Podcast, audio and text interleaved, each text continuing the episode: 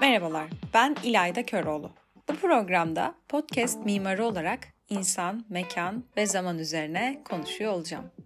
Geçen bölümde antik Yunan konuştuk. Aslında o da coğrafi olarak yerel sayılabilir ama kültürel olarak bu bölümde biraz daha yerele inelim. Belki biraz da unuttuğumuz bir yere.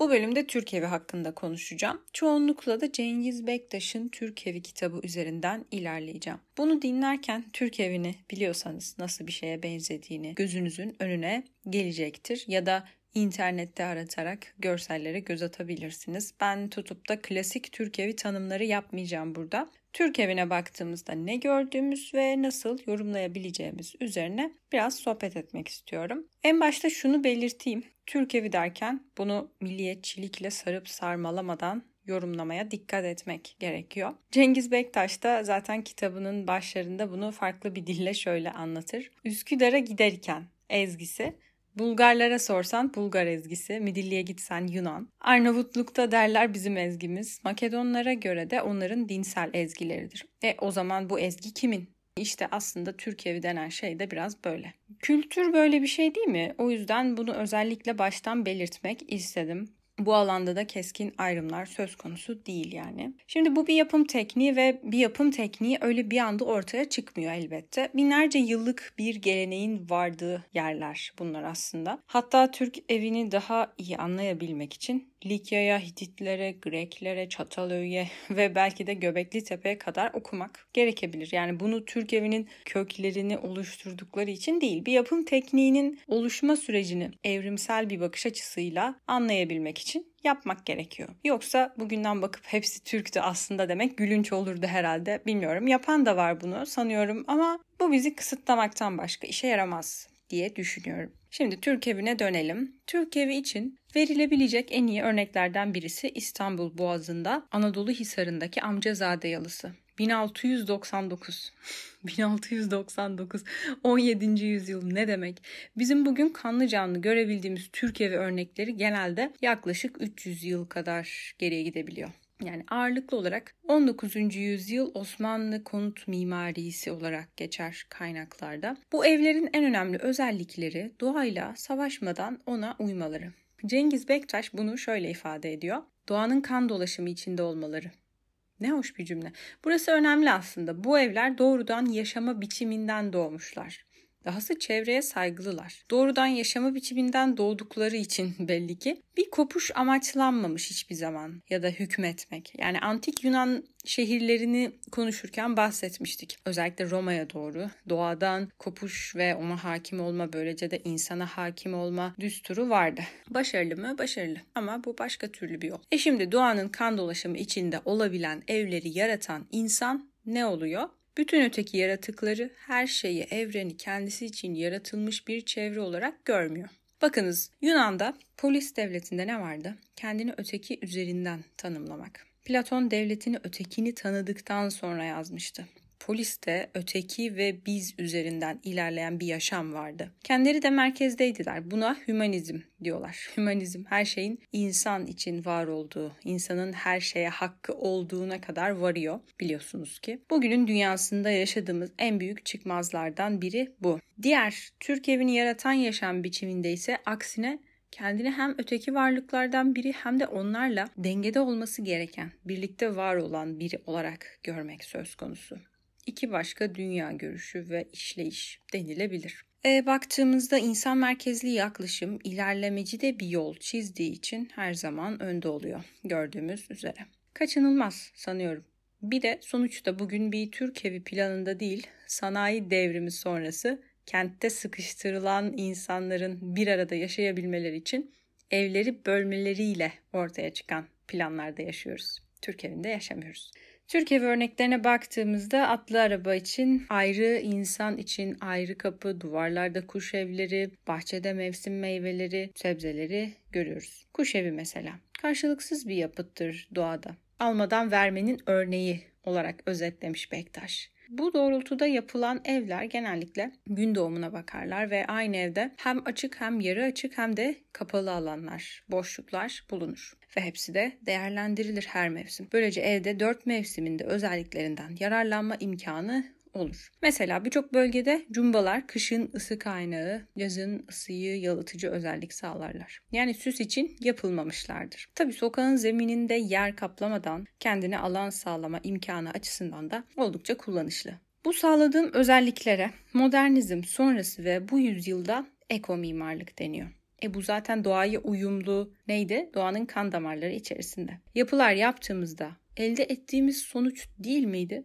E, eko mimarlık bir sonuç da değildi aslında bir yoldu zaten işin başladığı yerde. E, biz ise şimdi onu ulaşılması gereken bir sonuç olarak görüyoruz. Halbuki zaten biraz şöyle geçmişi iyi okuyabilsek O zaten orada var. Hep vardı görebildiğimiz sürece. Cumba demişken bu arada bazı evlerde belki görmüşsünüzdür. Cumbaların çıkıntılarının yanlarında da pencere olur. Hatta bazen önünde olmaz bir tuhaf görünür bunlar ama sadece yanlarında olur. E, bu genelde dar sokaklarda evler birbirlerinin içini karşılıklı görmesin diye mahremiyet ihtiyacından yapılıyor ve yandaki pencerelerde sokağı rahatça görebilme imkanı sağlarlar. E, bu da doğrudan bir yaşam biçimine işaret ediyor zaten.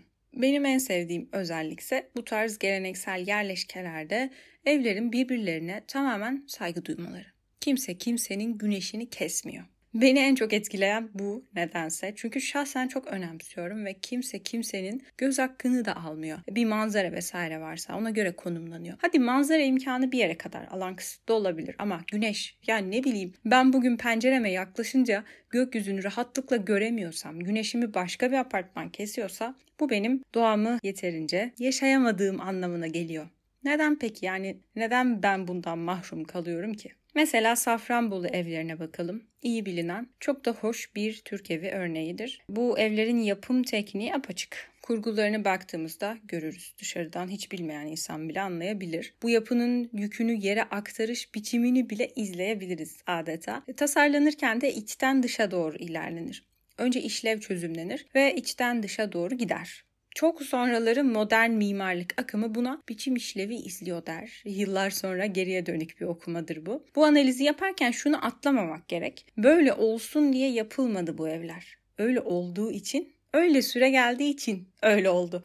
Dolayısıyla modernizmde olduğu gibi bir işlevsellik düsturu amacıyla yola çıkılmıyor. Yazılmış bir şey de yok ortada. Kısacası bu evlerin dışı güzelse için güzelliğinden geliyor için dışa yansımasından yani tıpkı insanın iç güzelliğinin yüzüne yansıması gibi. Böylece ne oluyor? Dışarıdan içeriye okuyabiliyorsun. Bu arada Osmanlı kamu mimarlığının da en önemli özelliklerinden biriymiş bu. Mimar Sinan'ın yapıtlarını hatırlayalım. Hepsinin içleri dışlarına yansır adeta. Dışarıdan baktığında az çok anlarsın içeride neler döndüğünü. Türk evlerinin bir diğer ortak özelliklerinden biri de tutumlulukları. Neredeyse hiçbir şey boşa harcanmıyor bir mekanda doğanın sundukları da Örneğin yağmur suları kullanılıyor. Ölçüler insan vücudundan çıkıyor doğrudan. Esneklik konusunda ailenin büyümesi durumunda konuta yeni birimler eklenebiliyor gibi gibi.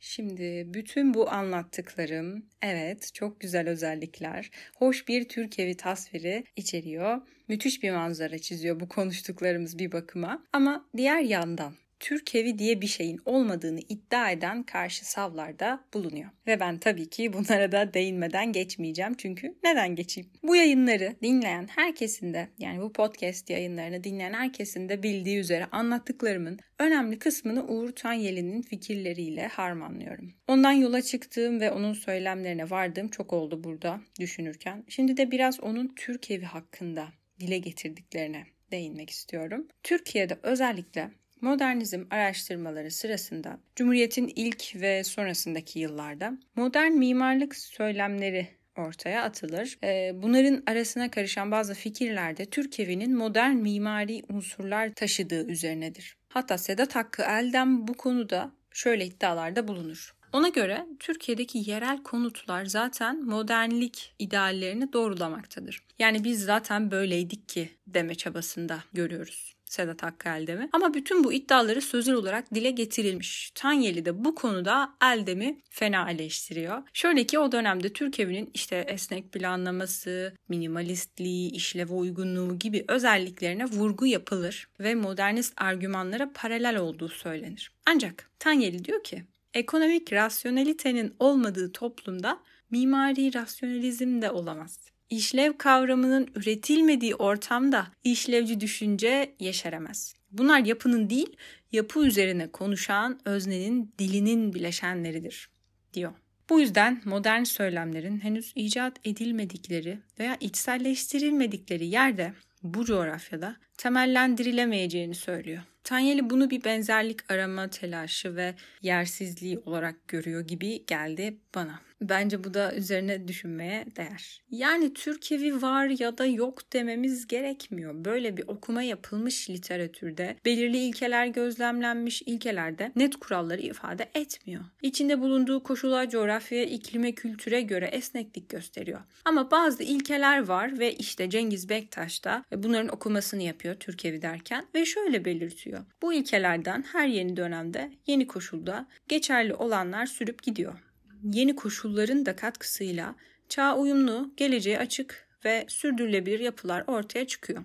Özetle bu evler mal değil, yuva oluyor demiş. Hoş bir ifade. Öte yandan birazcık Tanyeli'nin gözlüğünden bakmaya yeltenince bu yaklaşım bana da romantik görünmeye başlıyor. Ama sonuçta bu da bir okuma biçimi neden olmasın? Her türlü farklı açılardan da bakabilmenin önemli olduğunu düşünüyorum. Burada özellikle bu doğrudur, şu yanlıştır gibi söylemlerden uzak durmaya, tek bir çerçeveye sığmamaya özen gösteriyorum bildiğiniz üzere artık. Dilerim kafalarımız karışıyordur.